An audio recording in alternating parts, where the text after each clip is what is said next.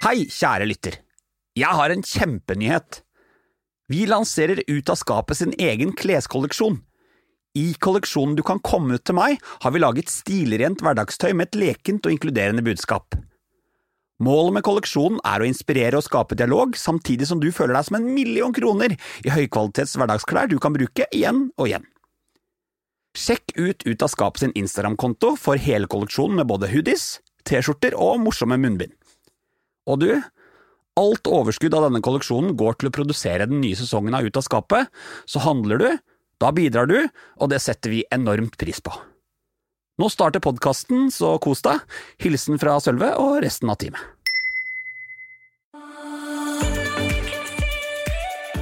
Hei! I dag får du møte Halvor Bakke i Ut av skapet. Nei, man snakket ikke om det annet enn at jeg eh, spurte for en venn, som han sier. Eh, eh, pastoren i menigheten. Eh, og spurte om jeg har en venn som er troende homofil, og hvordan vil det stille seg? Nei, da slo han opp i Bibelen og sa at her står det jo at man vil brenne i helvete. Halvor er interiørdesigner, programleder og gründer. I denne episoden forteller han oss hvordan det var å vokse opp som homo på landsbygda i et frikirkemiljø på 70- og 80-tallet. Han snakker om støtten fra foreldrene, han snakker om TV-suksessen, og hvilke erfaringer han tar med seg fra tidligere forhold for å ha det enda bedre i det neste. Kos deg med episoden, Halvor er hel ved.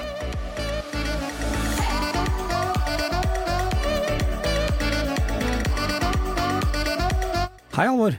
Hei, Sølve. Så godt å se deg igjen. I like måte. Alltid hyggelig. Det er Mm. alltid hyggelig at det er så deilig å vite at Det er så deilig at du sier det, fordi at uh, hver gang jeg har møtt deg, så har jeg hatt sånn, sånn deilige opplevelser. Har du? Ja, Vil du beskrive de? ja, det vil jeg faktisk. Du, er en sånn, du har en evne til å få folk rundt deg til å føle seg godt. Så bra. Ja. Ja, men det er jo hyggelig. Det, er, det skal jo være hyggelig å være sammen, ellers bør man ikke være sammen. Er det noe du eh, går inn for bevisst, eller er det en del av deg personen? Nei, men jeg er bare sånn. Det skal være sånn. Det skal være hyggelig å være sammen, ellers så kan man jo finne på noe annet. Du har en unik evne til å få finkultur til å bli litt sånn folkelig, syns jeg. Syns du? Ja. ja. men det var hyggelig sagt. Det er, hvordan går det med deg, Halvor? Du, det går slett ikke verst. Eh, jeg vil si at det går ganske bra. Det er eh, hektisk. Mye jobb. Selv i disse koronatider så er det, er det mye å gjøre. Men det er blitt på en annen måte. Eh, og på en måte så er det ganske deilig, og det er fint, og jeg får litt mer tid hjemme. Jobbe mer hjemmefra enn det jeg har gjort før. Ja. Og Teams er jo en fantastisk oppfinnelse. At man faktisk kan dra på møter hjemme i sin egen stue. I bokseren og en T-skjorte, og så ser du helt strøken ut, liksom. For du har bare fiksa fra brystet opp? Ja. Det er sånn, ja, Så du er faktisk sånn at du pynter deg litt på øvre del, og så er det Ja. jeg, jeg, så, jeg tror på en måte at alle kommer til å endre måten de jobber på framover, når man innser at man ikke alltid trenger å møtes for å få til ting. Nei, nettopp. Og tenk så mye tid vi sparer på reise for å møtes, og penger. Så, men vi er nødt til å møtes. Jeg er litt sånn utsulta om dagen på klemming og ta på folk og holde på. Det er, det er jo noe unikt med det der å bare kjenne en kropp. Mm. Ja, Kjenner du på det? I, selvfølgelig kjenner jeg på det. Å kjenne på hudkontakt. Mye mer enn det å kanskje ha sex, Ja. men mer den derre hud mot hud, eller spuning, eller når du klemmer noen og liksom Sånn. Ja, deilig. Det Jeg trengs. Jeg er helt enig, jeg er så overraska over det selv, for jeg har alltid sagt at jeg ikke er en klemmer. Mm. Det har vært Er du en- Nei, det har vært en greie for meg. Hvorfor Men- ikke det? Nei, jeg vet ikke, men så har jeg innsett at jeg er jo en klemmer. Fordi at jeg, jeg savner i denne eh, hva er det vi sier, koronatiden, så er det noe av det jeg har savna mest, er kanskje ikke nødvendigvis sexen. Nei. Det er bare det der å kunne kjenne nærhet av en venn, eller mm. Og de første ukene så isolerte jeg jo meg helt, jeg satt jo bare hjemme alene. Mm. Og det å ikke ha liksom kjent Jeg har ikke kjent en muskel, jeg. Ikke en hjerterytme. Nei. Og det trengs, og vi får så mye energi av eh, hudkontakt og kroppskontakt. Vi trenger det. Veldig. Ja, jeg vet, og jeg vet Mhm. fra før at du gir de beste klemmene, Alvor. Ja. Du, ja. Det du forteller meg nå, det er at det å spille inn TV, det går sin gang selv om det er spesielle tider. Det gjør det, dog med visse restriksjoner og forhåndsregler, selvfølgelig på hvordan vi bor, eh, hvordan vi spiser, toaletter, dusjing og på opptak Det er jo den berømte meteren, eh, og det er ikke alltid like lett å lage TV med en meters avstand. Når du bygger og pusser opp. Nei, det er ganske vanskelig. Så vi løper Vi, vi jobber jo med tømmerstokker til vanlig, så vi har jo den her eh, og måler, eller ja, avstandsmåler. Mm. Så det er litt utfordrende, men vi klarer å skape TV, og nå har vi pusset opp fire hytter av ti for denne sesongen, så vi har um, snart halvveis. Hvilken sesong er det som kommer nå? Sesong seks. Og det slippes på skjerm? I september. Gleder du deg? Ja, jeg gjør jo det. Det er jo stas å få lov til å lage Det er mitt eget TV-konsept. Ja, ja. Så det er jo veldig gøy å få lov til å jobbe med. Selvfølgelig er det det. Men eh, altså, at det slipper jeg, jeg ser det jo aldri selv. Nei. Jeg ser ikke oh, nei. Nei, nei, Det Jeg, er ikke sånn at jeg benker meg med familien, nå skal vi se på meg. Liker? Nei, er du gæren? Ser det aldri. Det kan være noen små klipp, liksom. Eller om det er tre år gamle episoder eller noe sånt. og Ja, Hender det at du blir flau av deg sjøl på TV? ja i høyeste grad. Har du en sånn greie du gjør på skjerm som du skulle ønske du ikke gjorde, som du er en sånn gjentagelse?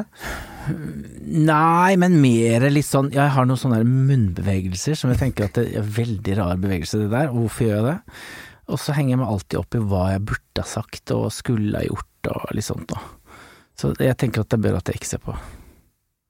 Det er jo ingen tvil om at eh, noe riktig har du gjort oppi dette her, for det er jo eh, uten tvil en av de største TV-suksessene som er.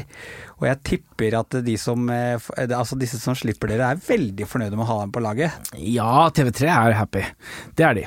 Eh, og det er jo en grunn til at vi gjør sesong seks. Eh, at de er fornøyd. Vi er det mest sette på TV3 tre år på rad Ja, ja. I vår sesong. Så det er jo stas og gøy. Det, det som jeg syns er litt morsomt, det er at du fortalte meg, for jeg eh, at det er et veldig vidt spekter av aldersgrupper og typer som ser på dette programmet. Det er ikke bare interiørekspertene. Nei. Du fortalte meg det at du hadde vært på gata og så hadde truffet en mann som du ikke hadde sett for deg at det var den typiske eventuelle oppussing-kikkeren. Mm. Mm. Ja. Han, jeg sto og fylte bensin, eh, og så eh, hopper det ut en sånn trailersjåfør på 100 år med sånn nedover surbart, Ja. eh, og tresko og vest, og så bare slår han meg på skuldra. Digger programma dine, Bakke, og så gikk han videre. Og jeg bare jøss, yes. altså Det er så hyggelig, ufattelig hyggelig når folk sier at de, de ser på, og spesielt de man tenker at ikke egentlig ser på. ja. For da får du en Du skjønner at man kanskje gjør noe for flere enn de som kanskje er mest i målgruppen. Eh, som egentlig er kvinner eh, 30 til 50. ja. Eh, er liksom kjernegruppen. Men det viser seg at det er hele familier som sitter og ser på oss, og også en trailersjåfør på 100 år. Hva tror du er suksessoppskriften for at det treffer så bredt med det programmet? Hva er Det er, nok, pakka? ja, det er nok en pakke, fordi at det er jo oss tre gutta på tur. Vi har det jo veldig hyggelig sammen, eh, og eh, man får på en måte være med på tur, tror jeg. Og, og vi er jo en turnasjon eh, i Norge. Vi er en hyttenasjon. 75% av Norges befolkning eier eller har tilgang til hytte. Via sin familie. Så vi er jo så opptatt av hyttene våre, og mange har faktisk to. Så det, vi er liksom Vi liker hyttene og bruker mye tid på de, og da har man en sånn kombinasjon av oppussing. Vi bruker jo over 85 milliarder kroner på oppussing hvert eneste år. Det er ganske vilt. Det er ganske mange penger. Eh, og en del av disse pengene går da selvfølgelig på hyttene. Eh, så vi er jo i verdenstoppen når det gjelder å bruke penger på hjemmene og hyttene våre. Og når man kan pakke liksom de begrepene Tur, hytte og oppussing, da har vi tydeligvis funnet noe som funker. Ja, det ja. Og så er vi i hele landet. Eh, Det er også viktig for oss, for vi er både på fjell, over sjøen, vi er Nord-Norge, sør og vest, øst, overalt. Så det er eh, en fin reise å være med på. Men i tillegg til å være TV-personlighet, så er du også litt eh, mildt sagt eh, gründerspire. Mm. Du har jo fått til mye med egen kolleksjon, og jeg sa det til deg innledningsvis her at eh, jeg syns du omtales for lite som supergründer. Fortell litt om eh, Signature Collection og dine egne interiør. Eh, ja, så hyggelig at du sier. Det er, man er jo faktisk egentlig en gründer, for man har jo startet sitt eget selskap og sin egen em, jobb. Eh, arbeidshverdag, den har jeg jo skapt selv, og da er man vel egentlig strengt tatt en gründer, er man ikke det? Korrekt? Ja, ja, så det er bra. Ja, men jeg er en gründer. Mm, fint. Hyggelig å høre. Liker du det uttrykket? Ja, det er jo litt stas, for jeg tenker at en gründer som har Jeg har jo faktisk lykkes, jeg kan jo leve av dette, og da går det jo bra, på en måte. Ja, altså, det er jo et mål, men jeg vet også at du har jobbet hardt for det. Fortell meg hvordan ideen starta. Jeg er så interessert i å høre om det her. Hvordan starta du med å tenke 'dette skal jeg gjøre for meg selv', eller 'dette skal jeg holde på med alene'? Ja.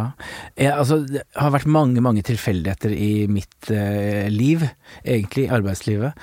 Eh, jeg var i reiselivet i ti år tidligere, og jobbet i Vingreiser i utlandet, så var jeg i SAS. Eh, og i 2001 så hadde vi disse flyene som gikk i tårna inn i New York. Og da mistet jeg jobben min. Og ble tvunget til å gjøre noe annet. Eh, også, jeg har jo alltid hatt interessen for å ha det hyggelig rundt meg, passe på ting, og at det ser ålreit ut, og lukter godt og er fresh og sånn. Eh, så fikk jeg jobb på en, en nydelig liten interiørbutikk som heter Bolina, ute på Stabekk. Ja. Eh, og der ble jeg liksom trigga til dette her, eh, og eh, ja, pushe grensene, lære mer, de var utrolig dyktige til å lære meg ting. Eh, og så dukket Homsepatruljen opp i gamle dager. I 2004, tror jeg den må ha vært. Altså, jeg gikk på videregående, så det stemmer. Ja, ok. Ja. Husker du, så du det?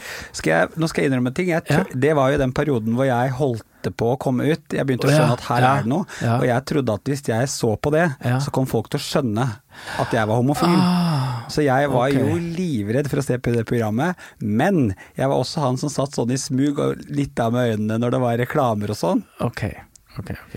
Men Halvor Bakke Homsepatruljen, det er en litt annen Halvor Bakke enn den jeg ser i dag på Ja. områder. Ja, det har jo endret seg veldig. Eh, Det er jo takket være Homsepatruljen at jeg har fått lov til å gjøre det jeg gjør i dag.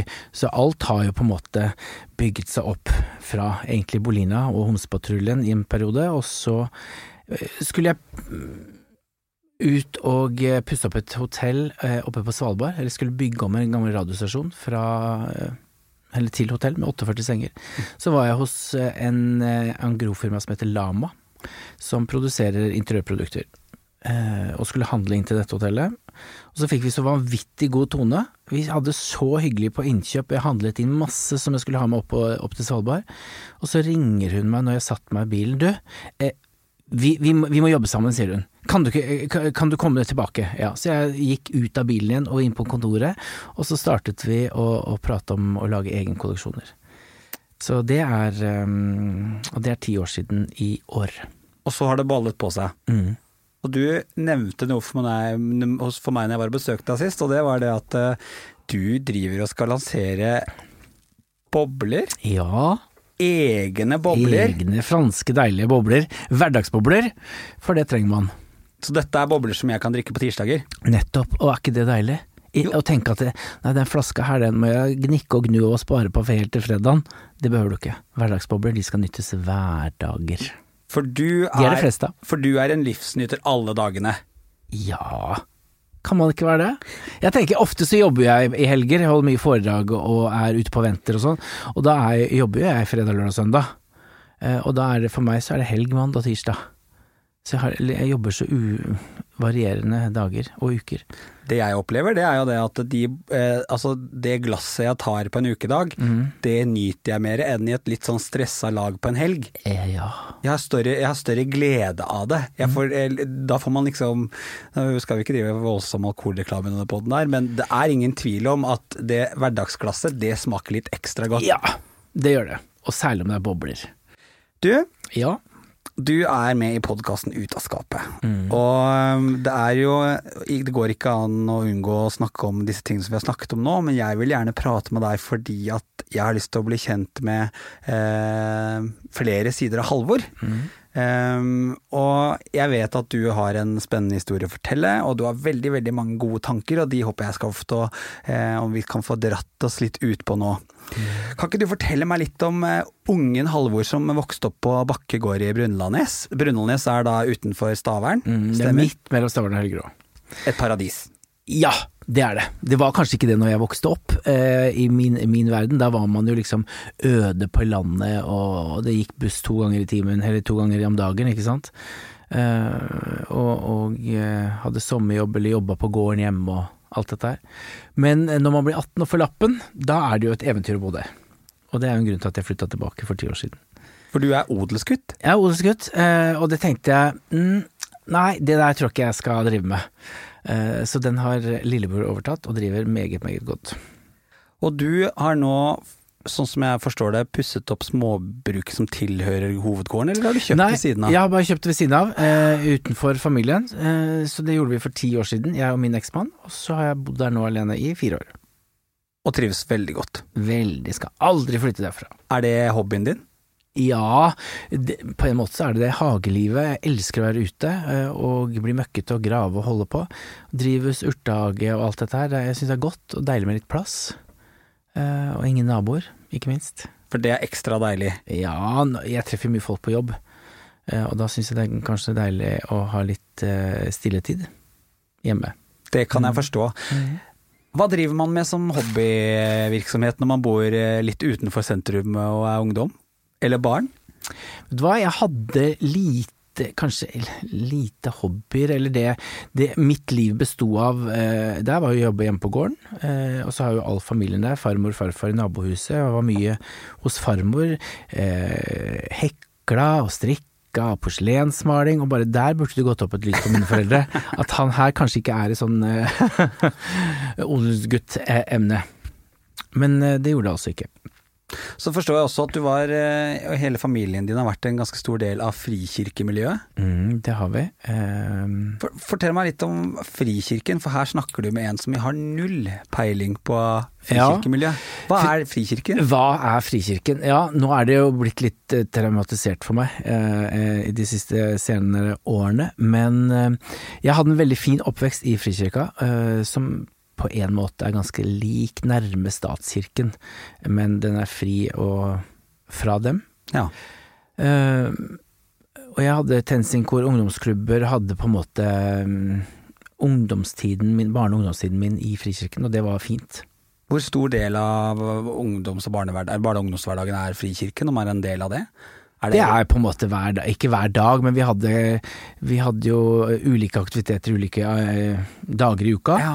Eh, og så var det alltid fredag og lørdag som var samlingspunkt liksom på, i helgen og Da hadde man øvelse med TenSing-kor på fredager og hang sammen, og lørdagen så var det en type lørdagssamling og Men er det bare typ sånn aktiviteter, eller er det også en del altså i kirken? Altså Ja det- ja, Man, er, man er i kirken på en måte, så det er en arbeidskirke eh, hvor det er lokaler og, og sånne ting, og så er, man, er det turer og Man hadde liksom nettverket sitt der, egentlig. Og, det, og menigheten drives litt på dugnad da? Ja, ja, ja. Ja, akkurat. Du, når var første gangen du kjente på at du eh, kanskje var skeiv? Kan du huske det? Eh, Jeg kan huske at jeg tenkte at jeg var annerledes, eller her er det noe galt, tenkte jeg. Eh, og jeg visste ikke hva det var. Når du vokste opp på bondelandet på 70-tallet, så vet du ikke egentlig hva homofili er, på en måte. Du skjønner at det er noe annerledes. Og det gjorde jeg nok kanskje femte-sjette klasse, at her er det et eller annet. Eh, flere grunner, fordi at man ble mobba eh, i mange år, fem-seks år, fordi at man var annerledes. Hva var det de mobbet deg for da? Jeg spilte ikke fotball, jeg var ikke den tøffe gutten, jeg var den forsiktige gutten. Jeg var eh, sent utviklet, jeg var lav av vekst, eh, feminin kanskje på en måte. Eh, hoppa strikk. Eh, jentene var mer venner enn gutta som skulle være tøffe. Ja. Eh, og jeg var ikke en tøff person. Eh, og da blir man jo sett eh, ned på av gutta, på en måte. Hadde du, eh, hadde du flere jentevenner, eller? Ja, ja, absolutt.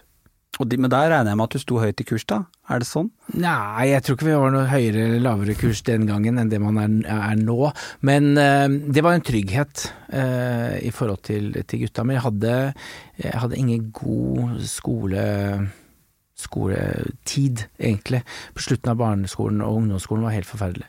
Men ble, ble homo, altså det å være homofil og homofili, ble det nevnt noen ting i et frikirkemiljø, eller miljøene du hang i når du var yngre? Snakket man om på Eh, Nei, man snakket ikke om det, annet enn at jeg eh, spurte for en venn, som han sier. Eh, eh, pastoren i menigheten. Eh, og spurte om jeg har en venn som er troende homofil, og hvordan vil det stille seg? Nei, da slo han opp i Bibelen og sa at her står det jo at man vil brenne i helvete. Men- eh, og da snakket han jo i prinsippet rett til meg, Ja. men det, han trodde jo det da var til en venn, selvfølgelig. Så da, da sitter du der, da, eh, når du på en måte Dette var kanskje da jeg var 16-17, eh, hvor jeg skjønte at jo, men det er jo det jeg er. For da hadde jo du begynt å akseptere og forstå. Ikke akseptere, men jeg hadde begynt å forstå hva det var. eh, og tenke at jo, jo, men det er kanskje det det er. Usikkerheten rundt, rundt det. Jeg har aldri betegnet meg som bifil. Nei. Absolutt ikke. Det er jo mange som er det i en fase hvor man tenker at det er man, men eh, nei. Hva gjør det med en ung gutt når man er da 16-17 år og får høre at man, brenne, eh, at man brenner i helvete hvis man er homofil? Ja. Husker du Jeg husker det, ja ja, absolutt, og, og beintøft selvfølgelig, for du tror Når du har vokst opp i frikirken, da, eller vokst opp i et kirkemiljø som du tror på, du tror på det som er der, ellers hadde du ikke vært der, um, og så får du høre noe som er stikk motsatt av den du er, så er det ganske, hva skal jeg si, dramatisk. Traumatisk. Var det sånn Dytta det deg langt tilbake inn i skapet, eller? Ja, fordi det gikk- jo ennå ti år før jeg kom ut. Ti år Mm. fra den dagen. Mm. Husker du første gang du altså, fortalte dette til noen? Uh, ja eh, Jeg reiste ut som reiseleder når jeg var 20, Ja. eh, og da Eller 21 eller noe sånt, og da var jeg ute i fire år. Og der levde man jo som homofil, på en måte. For det var jo sikkert eh, Veldig flere- akseptert. Men var det første gangen du møtte andre homofile Nei, jeg møtte jo noen her hjemme også. Jeg husker jeg, jeg svarte på sånn kontaktannonse, du vet, som var i Dagbladet, som man sender brev til og sånn. Ja ja, det husker jeg gjorde. Men jeg møtte jo på en måte ikke noen sånn Nei, det var en s- eh, veldig rar tid, hvor man skulle bli kjent eh, med sin uh, egentlige legning. Manglet du noen homofile forbilder, da? Absolutt, jeg hadde ingen. Hva tror du det kunne gjort for deg hvis du hadde hatt det? det hadde gjort alt, ikke sant, og man kunne både snakke med noen og diskutere de følelsene, eller stemmer det, eller hva, hva, skal jeg tenke, hvor, hvor, hva skal jeg føle, hva, hva er dette for noe? Eh, så det skulle jeg ønske at jeg hadde, selvfølgelig. For det er, eh, det er flere som nevner akkurat det der at viktigheten av å ha homofile, åpne forbilder, og, Mm. og det ser man jo i dag også, selv om det altså, Se på idrettsutøvere, for eksempel. Mm. Eh, til denne podkasten så har jeg gjort eh, eh, mye research, og det har, jeg har mange, jeg hadde vært vanskelig for meg å finne homofile gutter fra f.eks. toppidretten. Mm. Jeg kunne tenke meg å ha med en i podkasten, men det er noen som ikke ønsker å stille, og så Mm. er det veldig få. Men på motsatt side så har det ikke vært noe problem for meg å finne eh, altså bi, lesber og, andre, eh, og alle andre som skal være med, men akkurat når det kommer til homofile gutter, Mm. så er det veldig vanskelig. Og det, er så, og det sier noe om meg at det fortsatt er en ganske for meg at det er en fortsatt ganske lang vei å gå, da. Ja, men det er det. Man kan si at eh, nå er det liksom Hvorfor skal dere pride, hvorfor skal dere på en måte stå på barrikadene, hvorfor Jo, men det er jo ikke greit ennå.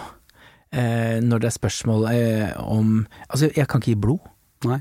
Vi kan ikke gi blod fordi at du, du er homofil. Altså, det er jo Det står i loven. Ja, ja men du får ikke lov. Eh, det, er mange, det er mange ting som gjør at vi fortsatt skal kjempe, uten at jeg tenker at jeg skal være den som skal stå på barrikaden, men kan jeg bidra med mitt ansikt på TV eller i andre sammenhenger, som her for eksempel, eh, og fortelle min historie, så vil jeg jo selvfølgelig gjerne det. Men jeg, jeg kjenner ikke at det er mitt min mission å, å stå på talerstolen og, og, og snakke om det, men med å være meg eh, og vise at man har eh, lykkes med sine ting, man har en ålreit jobb, man har et nettverk, man, man fungerer. For de som da kanskje tror at de ikke vil gjøre det, eh, så er det fint. Du sa jo at det gikk ti år fra du stilte dette spørsmålet til pastoren, Mm. til du eh, eh, kom ut. Hvem var de første du kom ut til? Det var til venninnen min Lene. mm. Eh, Faktisk ikke søsteren min som eh, jeg er eh, nærme, men vi har blitt enda nærme. Nå er vi veldig, veldig close.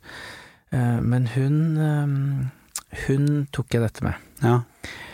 Så, og hun støttet jo på alle mulige måter, og var også tilgjengelig for meg den kvelden når jeg skulle fortelle det hjemme.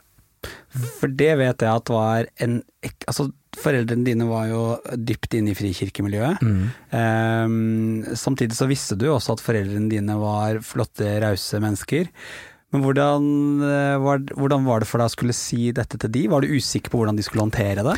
Ja, jeg var jo usikker på alt, for du vet jo ingenting. Det er jo en ganske dramatisk greie å fortelle at sønnen er øh, homse. Uh, for jeg, jeg hadde liksom ingen følelse av at de hadde noe idé om det. Og det syns jeg også var litt sånn rart, eh, at ikke de liksom tenkte, men så hadde jeg mange jentevenner og, som kanskje liksom Å ja, men du og Grete, kan ikke du og den og, Altså, dette er koselig, Det liksom. var ikke noen kjærester oppimellom det her? Nei, nei, Nei. Jeg, jeg hadde ei på slutten av 80-tallet, liksom, da jeg var 18. Vi har alle Litt- hatt hun. Ja, ja, mm, nettopp. Litt sånn for at det begynte å gå noen rykter, og jeg tenkte nei, men jeg er ikke klar for dette her, liksom. Men så de, eh, Og de har jo jobbet på gården hele livet sitt, og har på en måte ikke hatt det inputtet eh, som kanskje man kan få i en storby, eller i andre miljøer, da. Eh, I en kombinasjon av frikirken og eh, bondelivet. Så, så de var jo overrasket, eh, og, men ble veldig Det var, gikk veldig, veldig raskt over til at eh, at de var lei seg for at ikke de hadde sett det, eller spurt, eller kunne gjøre noe for meg eh, i den perioden hvor jeg hadde hatt eh, det vondt, da. Men jeg vet jo det det stemmer Altså, ble du kastet ut av frikirkemiljøet når du kom ut som homofil? Ja, det gjorde jeg. Jeg blir da eh, I Frikirken så er det noe som heter begrenset medlemskap, som man automatisk blir på en slags rar måte når man blir konfirmert. Og så kan man velge når du blir 18 eh, å gå inn som fullt medlem, hvordan man da er med og kan bestemme og stemme og styre og litt sånn. Og det ble jeg. Og når du da står fram som homofil, så ble jeg fratatt den muligheten, så det ble eh, automatisk satt til begrenset medlemskap, altså at du kan være medlem, men du kan ikke stemme. Eller du kan ikke være eh, leder, eller du kan ikke være noe. Og for meg så er det enten så er du et medlem og ønsket, eller så er du ikke ønsket. Er det et form for hierarki da, internt? Ja, det Men- tror jeg. Åssen opplevde du Opplevde du da å bli sett på annerledes når du kom ut? Altså, hva var reaksjonene fra, fra omgangskretsen din? Eh, umiddelbar positivitet i utgangspunktet, og så er det selvfølgelig enkelte som jeg ikke har kontakt med i dag, Ja. eh, som, eh, som har tatt eh, avstand og tenker at det vil ikke vi forholde oss til. Eh, og jeg savner det ikke heller. For det er jo noe med det at man velger jo hvem man vil omgås, Selvfølgelig gjør man det. og man vil jo ta smarte valg for seg sjøl. Ja. Men har du noen gang kjent på en sånn form for bitterhet? Ja, på en måte så er det jo bittert, fordi at når du da endelig tør å fortelle og si 'hvem er jeg'? Dette er jeg, jeg er skapt sånn. Jeg tror at Gud har skapt meg sånn, eh, mens Frikirken tror jo ikke det. De tror at dette har jeg valgt selv. Ja. Eh, ikke sant? Og det er jo der, hva skal jeg si, slaget står. Men tror Frikirken på at man kan eh, bli kvitt homofili? Ja, har jeg blitt eh, Jeg hadde en prest på døra som kom og skulle helbrede meg. Er du seriøs? Ja, helt seriøs. Hvordan hadde han tenkt å gjøre det? Nei, han skulle be for meg, og ba for meg. Jeg ble helt perpleks og slapp han inn. Mm. Det Det, er, er, et- det er et overgrep. ja, det er jo absolutt et overgrep. Mm. Husker du den Veldig godt. Det var her i Oslo på Sankthanshaugen. Leiligheten min. etter du hadde flyttet hit? Mm. Fra Frikirken? Mm. Har du lyst til å fortelle om det, eller? Jeg tror at jeg ikke skal gjøre det. Nei? Var det tøft? Mm. Det høres, ja, det høres helt eh, vanvittig ut. Det er så um, Jeg har aldri stått i en sånn clinch med religion, kirke, et sånt miljø og eh, og, det, og, og min egen legning. Mm. Så det er så vanskelig å sette seg inn i det, men jeg ser på deg at dette her er tøft. Ja, det er en, eh, det er en dobbel greie. I utgangspunktet har man jo mer enn nok med å komme ut Ja. og akseptere seg selv, og så skal man forholde seg til eh, kirken i, i tillegg, som vender deg ryggen. Eh, Så blir det, er det ganske mye eh, å forholde seg til, men heldigvis nydelige foreldre som har, som har vært veldig tydelige på at jeg er deres sønn uansett, og dette skal vi være sammen om. Hva betydde det for deg? Selvfølgelig alt. Altså, du er jo livredd for å miste foreldrene dine. Eh, Du er så sårbar som du bare kan være i det øyeblikket du legger alle kortene på bordet og sier at jeg er ikke sånn som dere tror. Ikke sant? Så eh, da har vi gått mange runder, og de har vært helt enestående og vært eh, eh, og lest i bøker, de har vært på samlinger med andre homofile kristne foreldre i ulike grupper og sammenhenger, og virkelig jobbet med å både lære seg å forstå og akseptere, og så de har eh, Nå lever vi eh, veldig, veldig godt med det, det er ikke et tema, Eh, og det er veldig fint. Tror du at om man har foreldre som, som kan ha utfordringer med det, med barnet sitt sin legning, måten du møtte de på. Mm. For jeg vet at du møtte de med også litt åpenhet og forståelse. Mm. Tror du det er viktig for at man, kunne, at man skal kunne løse det sammen? At man må ha en forståelse for at ikke alle forstår? Ja, det skal man ha. Eh, og så er det jo noe med at jeg kanskje har brukt 15 år Ja. eh, på å komme til det standpunktet at nå eh, sånn er det, og de ikke vet noen ting, så kan man ikke forvente at reaksjonen deres skal være eh, vill jubel i første minutt. Her, de må få tid til å, å både forstå, akseptere og spørre hva er ting de lurer på. Men jeg tror dette her, nå er det jo eh, 3-24 år siden jeg kom ut, så ting har jo endret seg. Eh, Så det er jo lettere, eh, på en måte. Jeg ser på eh, mine venners barn, som har vokst opp med eh, meg i familien. Ja. De har, jo, de har jo en forståelse av at foreldrenes aksept for homofili, fordi at jeg har alltid vært i familien. De har vokst opp med meg som homse, de har sett meg med mi, mine kjærester, ikke sant. Så de, de har jo en stor fordel. Ja. Fordi de kjenner jo på en aksept fra foreldrene overfor dette. Det at du har vært en del av den, altså dette miljøet, av denne oppveksten, gjør det også at du har vært litt forsiktig med å trykke homofilien i ansiktet på de rundt deg? Nei, jeg vil ikke si det egentlig. Eh, Det, det kom ganske raskt til et punkt at eh, jeg skjøv kirken bort. Når jeg ble skjøvet bort, så forsvant den egentlig eh, bort fra meg. Troen min er på en helt annet nivå. Det vil si at det er en sånn barnetro, en, sånn, en trygghet som ligger der, men det er ikke noe jeg praktiserer og, og, og er en del av. Men det er noe jeg lever med og har hatt en fin oppvekst i, da. Jeg synes det er så Det er fint å ha en liten prat om dette med tro, fordi at eh, eh, Sånn som jeg opplever debatten rundt tro og religion nå, så er den så veldig sort-hvitt.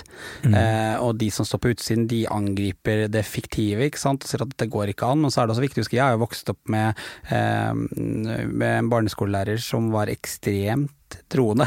Eh, og vi hadde kristendom eh, eh, som fag, gjerne noen ekstra timer i uka, og vi, eh, vi ba han før vi starta skoledagen. Og jeg bare husker at jeg har tatt med meg, selv om jeg ikke er troende nå, så har jeg tatt med meg veldig mye om det med eh, likeverd, raushet, det å stille opp for andre. Alle de tingene som jeg lærte om i religionsfaget, de har jeg tatt med meg. Og det er derfor det er sånn der, derfor blir jeg så litt trist når jeg, og det kjenner jeg litt på når man er så veldig svart-hvitt i snakken om tro, for det er også mange fine ting med det. Alltid.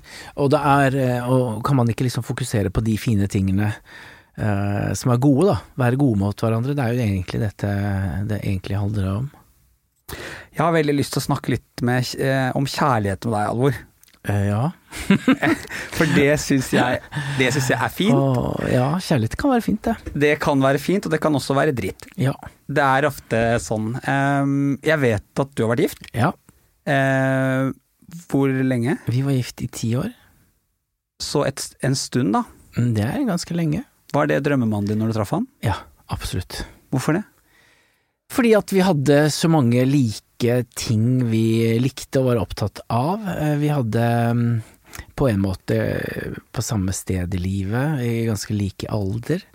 Eh, Elsket å være på landet, og eh, vi fikk oss hund ganske raskt, og har hatt Det har vært mange, mange fine år. For det er var, det ditt, var det din første store kjærlighet? Nei, jeg har nok hatt en før der, eh, som, eh, som har vært litt eh, Som har sittet dypt i hjertet i mange, mange år, egentlig. Som var den første, liksom, hvor man kjente at At det var en sånn felles kjærlighetsgreie.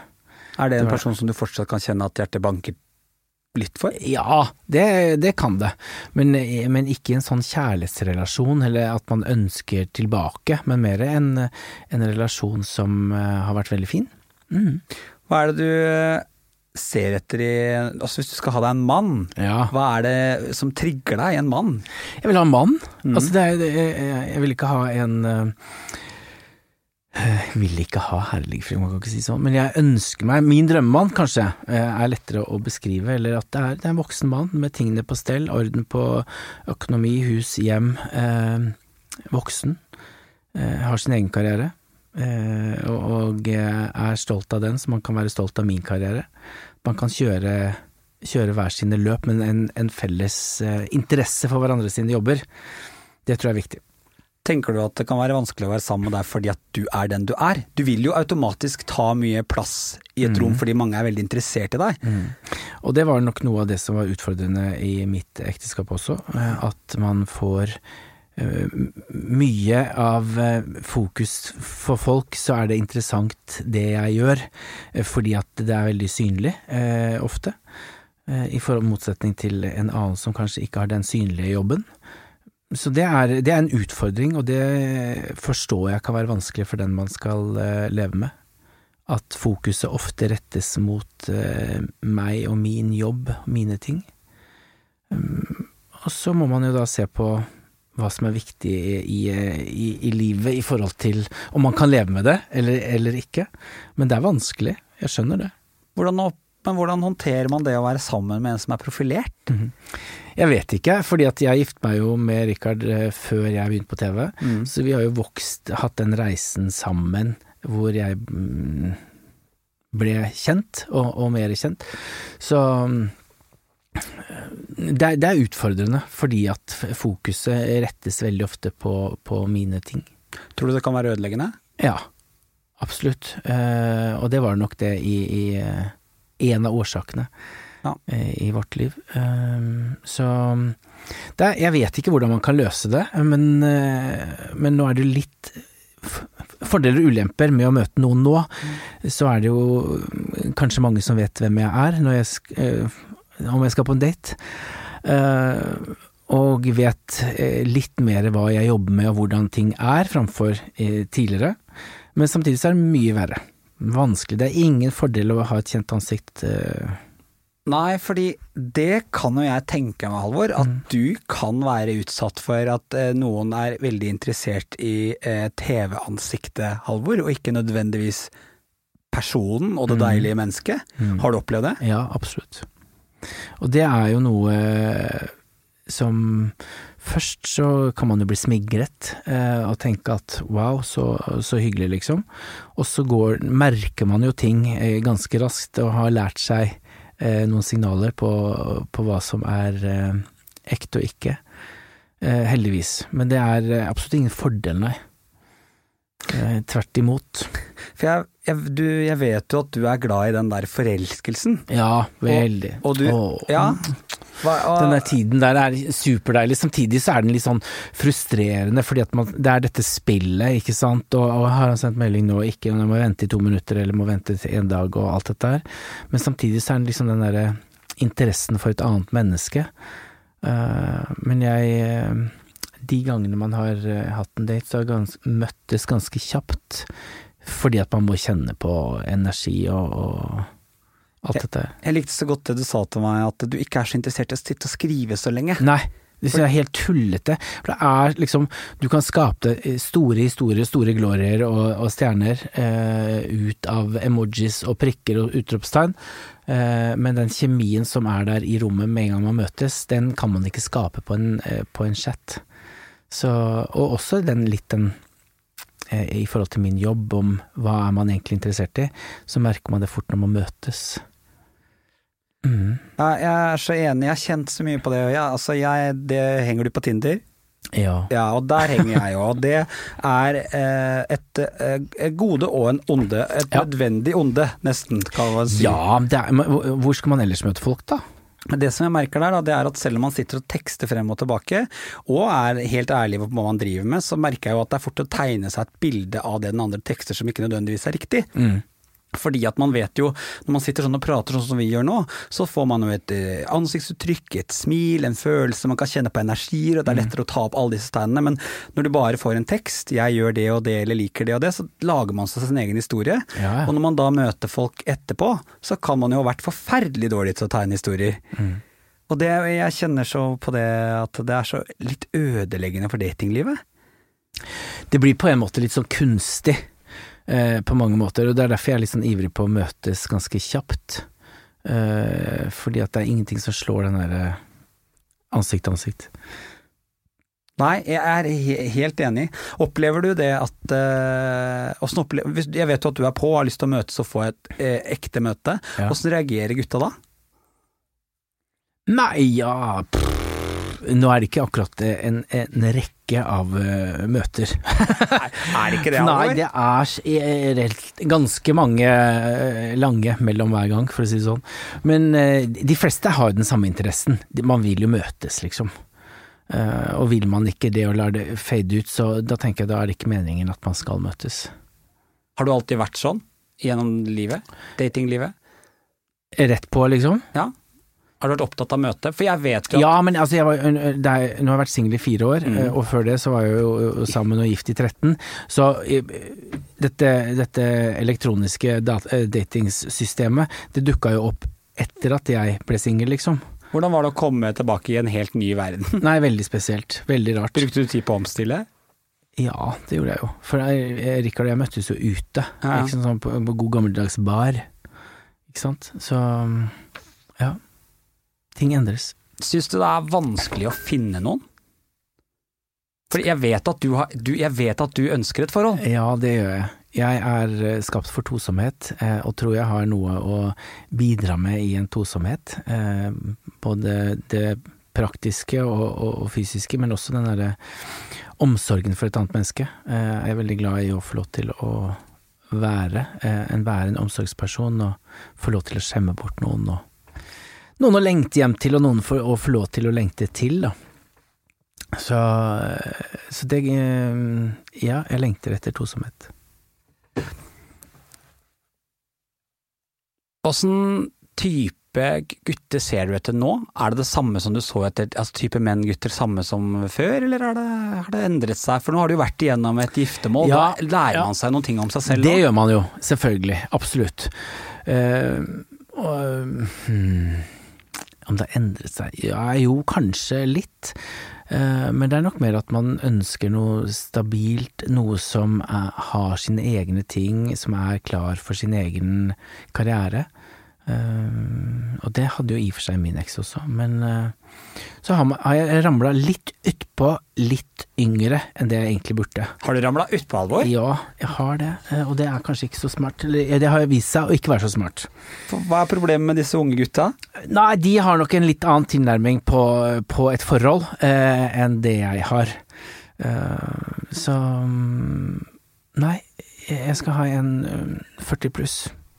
Utfordringen med de unge Ja. gutta som jeg opplever noen ganger, det er at jeg er ganske glad i sex, Mm. og sexen er bra. Mm. Fordi at eh, jeg kan se på eh, at de har ikke kommet inn i et sånt spor at det er sånn og sånn det skal være enda. Nei. Man er nei. mer åpen. Ja. Og det er veldig lett eh, når sexen er bra å tenke at sex er det samme som Forhold. forhold. Mm. Og da er det så lett å, å, å gå tilbake til det, men så når man kommer til hverdagen og skal begynne å ta vare på hverandre utenfor senga, Mm. så er det jo der det svikter. ja. Har du kjent på det? Ja. Veldig. Veldig!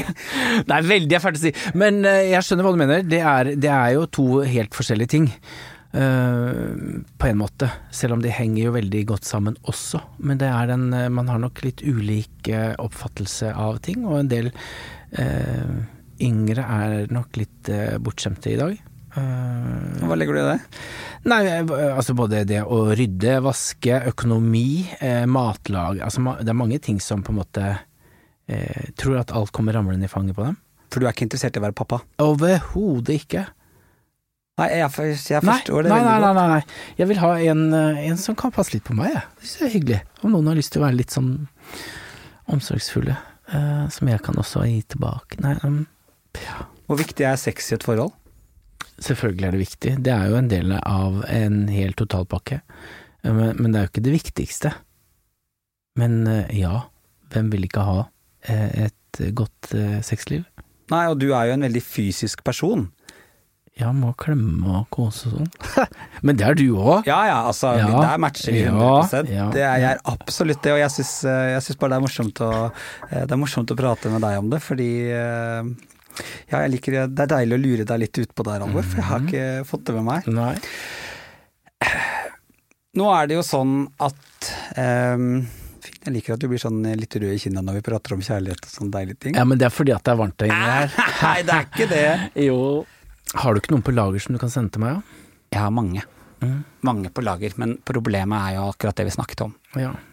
det er akkurat det vi snakket om, at eh, mange av de er akkurat der. At det er deilig sex og seksuelt og alt det, men jeg er jo sånn at jeg mister fort interessen hvis det er veldig sex Hvis det gjøres veldig seksuelt veldig fort. Ja. Altså Da blir det det. Jeg har ikke noe Mm. problem, men jeg kan godt ha sex på første date. Det er ikke noe problem. Men hvis jeg har det, Mm. så vet jeg også med en gang at dette her blir mest sannsynlig ikke noe mer. Jeg, jeg, jeg er så For meg da, så er jeg veldig knyttet opp til spenningen rundt det å ha sex. Mm. Jeg liker den der flørtingen. Det betyr ikke at jeg skal være kjip og gniten på det, for det I'm still a man. Mm. Men jeg bare kjenner at eh, det er For meg så er det klimakset, skjønner du hva jeg mener? Mm. Eh, og så er det så kjipt hvis det ikke er bra. Ja, og tenk om man da har gått i lang tid, og så er man egentlig forelska, og så funker det ikke. Nei, og, og der er jo fordelen, da, for hvis de er ofte hvis de er bitte litt yngre, så kan man jo gi, lære opp og prøve å teste litt. Ja. Men de gangene jeg møter gutter som er eldre, eller på, bare på min egen alder, så opplever jeg at de er så veldig satt. Mm. Er, er vi sånn? Mister vi eventyrlysten? Hm. Trenger Ja, jeg vet sexliv ikke. eventyrlig oppussing? Kanskje, kanskje de gjør det. Du skal ikke se bort ifra det. Ja, bare Jeg har piffet opp litt med både det ene og det andre. Ja, jeg, jeg blir så betenkt på rundt det her. Jeg, så, jeg syns det er uh... Men det er interessant, egentlig. Ja, det er For det er, en del, det er jo en del av hele totalpakken med, i et forhold. Det må funke. Uh, og det verste er jo liksom om én har mer lyst enn den andre. Så sliter man jo litt. Man kommer jo veldig fort til den fasen i et forhold, opplever jeg, hvor det, man eh, Altså, det er veldig vondt å være i et forhold når man kjenner at den ene begynner å miste interessen. Mm. Altså, jeg, fra begge sider, jeg har vært der hvor jeg har mistet interessen, Mm. hvor man omtrent truer seg til å bare vise noen form for kjærlighet, affeksjon og ha sex. Mm. Det nesten blir sånn pliktløp. Men jeg har også vært der hvor man har kjent at han er ikke interessert i meg lenger. Mm. Og det er jo Altså, satt på spissen verre enn døden. Mm, det er grusomt. Helt grusomt. Og man havner i en sånn fase Man havner i en sånn fase Og, og tida flyr jo òg. Det er jo ganske mange forhold som har vært slutt, slutt lenge før de er slutt. Mm. Ja, ja. Og det var jo sånn jeg, har- jeg har lest og jeg har hørt så mye om hvordan kan man liksom få gnisten tilbake. Men jeg må helt ærlig innrømme at jeg har aldri opplevd å få gnisten tilbake hvis den er borte. Nei, det skjønner jeg ikke hvordan man skal klare. Er, altså, du må, da må du ta det før den egentlig er helt der borte. Ja. Når man har de første signalene, eller at man kanskje egentlig, det er kanskje noe jeg har lært fra, fra mitt ekteskap, at man må snakke om ting. Ja. Altså man kan ikke gå inn i hodet på den andre. Om ikke du forteller at du syns at det er kjipt, at jeg er kjip, så kan jo ikke jeg få gjort noe med det. Eh, ikke sant? Man må få lov til, eller få bli gitt en mulighet til å få for, forklart seg, eller bedt om unnskyldning, eller rydde opp i tingene. Men om ikke man blir fortalt det, så er det jo veldig vanskelig. Kommer du til å være bedre til å prate i ditt neste forhold? Ja, det tror jeg. For det er, vet jeg at du er noe du ønsker. Mm, mm. Uh, og så er det jo det å kanskje tørre å begynne å prate selv om ting er bra. Ja. Så selv om man er nyforelska og man kjenner på den gnisten, og det tørre å sette seg ned og bare ha Trives du med dette? ja. Jeg bare For jeg tror jeg er så enig med, det, med deg i det du sier der, at hvis man venter Mm. Til man allerede er lei, Da er det kjørt. hvor mange er det ikke som gjør det? Mm. Nei, åh. Kjære Halvor, altså for en, det er så deilig å prate med deg. Dette her er sånn, dette er sånn jeg liker å kalle det for sånn bobleprat. Mm. Dette er sånn som prat som man skal ta videre over hverdagsbobler. Ja. Er det ikke sånn? Jo, det skal det. Og kjenne litt på det. Du Halvor, jeg pleier alltid sånn eh, avslutningsvis å spørre de som er med i podden, Mm. om de har et råd eller et tips eller noe de har lyst til å si til lytterne. Det kan være hva som helst. Eh, er det noe ut av den praten her som du tenker at folk skal ta med seg? Mm, ja, kanskje. Eh, at man ikke nødvendigvis skal vente så lenge eh, med å fortelle hvem man er. Fordi at jeg venta altfor lenge. Eh, jeg føler at jeg gikk glipp av kanskje fem, seks, syv år av eh, 20-årene mine, fordi at jeg ikke var tidlig nok ute. Men folk skal jo selvfølgelig være trygge og sikre på det de, det de gjør, men diskuter med noen, snakk med de, noen fortrolige venner, om man er usikker på eh, hvor man står, hva man er. Det er det smarteste tipset jeg kan gi, tror jeg. Snakk med noen, og er du foreldre som lytter og lurer på barna dine, så spør. Hadde, hadde mamma spurt så hadde jeg selvfølgelig sagt ja. Men hun spurte aldri. Nei, og så kan man spørre igjen og igjen og igjen også, Ja. kanskje. Ja.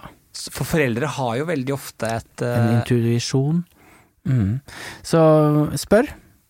Det er ikke flaut, og det er ikke pinlig om det er, om det er feil, men eh, det er bedre, for det er ment som omsorg. Ja. Mm. Det syns jeg var et godt råd, altså fortell og spør. Ja. Det er Halvor sitt aller beste tips. Yes. Hva står på planen din nå, Halvor? Du, i kveld så skal jeg spise middag med en kompis, og så skal jeg på hytta i hele helgen, på Boblebu. Fristedet ditt. Ja, deilig. Hvor mye betyr hytta? Masse. Det er en superenkel hytte uten innlagt vann, og det er utedo. Vi har strøm. Men det er liksom, det, det er eh, enkelt og godt og behagelig, og midt i skauen ved et lite vann. Det er nydelig å komme bort. Hva bruker du tiden på på hytta hvis du ikke For da vet jeg du kobler av. Ja, kobler av, men vi, er- foreløpig- vi har hatt den i tre år, jeg og min kompis. Eh, vi kjøpte den i boblerus, derfor så heter den altså Boblebu. Usett ja, også. Men eh, nei, da, vi har hogd mye trær, vi har fiksa, bygd om, malt, pussa opp rubb og stubb, så foreløpig så har det vært mest i eh, fysisk arbeid. Alltid eh, med gode boblepauser. For det er jo litt sånn når man kjøper hytte at det er et EVS-prosjekt. Ja, men vi nærmer oss. Vi har liksom ett prosjekt hvert år okay. som vi skal gjøre. Uh, men de kanskje prosjektene blir kanskje to eller tre. Men, uh, men nå i helgen skal jeg ikke gjøre noe. Jeg får opp noen venner uh, i helgen, og så skal vi bare kose oss. Åh, det hørtes helt fantastisk ut. Du Halvor, tusen takk for at du ville være en del av podkasten Ut av skapet. Du er et så varmt og deilig menneske, og det er så Jeg skulle ønske at lytterne skulle få lov til å kjenne på den deilige energien i rommet når du er i rommet, for det hadde de fortjent alle sammen. Takk for at jeg fikk komme. Takk for at du hører på podkasten Ut av skapet. Det betyr mye for mange. Informasjon om dagens gjest finner du i episodebeskrivelsen. Sjekk alltid ut fine folk på sosiale medier. Denne podkasten er helt avhengig av deg, så er du glad i Ut av skapet, del om du lytter, og rate oss gjerne der du kan rate podkast. Jeg gleder meg skikkelig til nye skeive historier neste uke. Vi høres.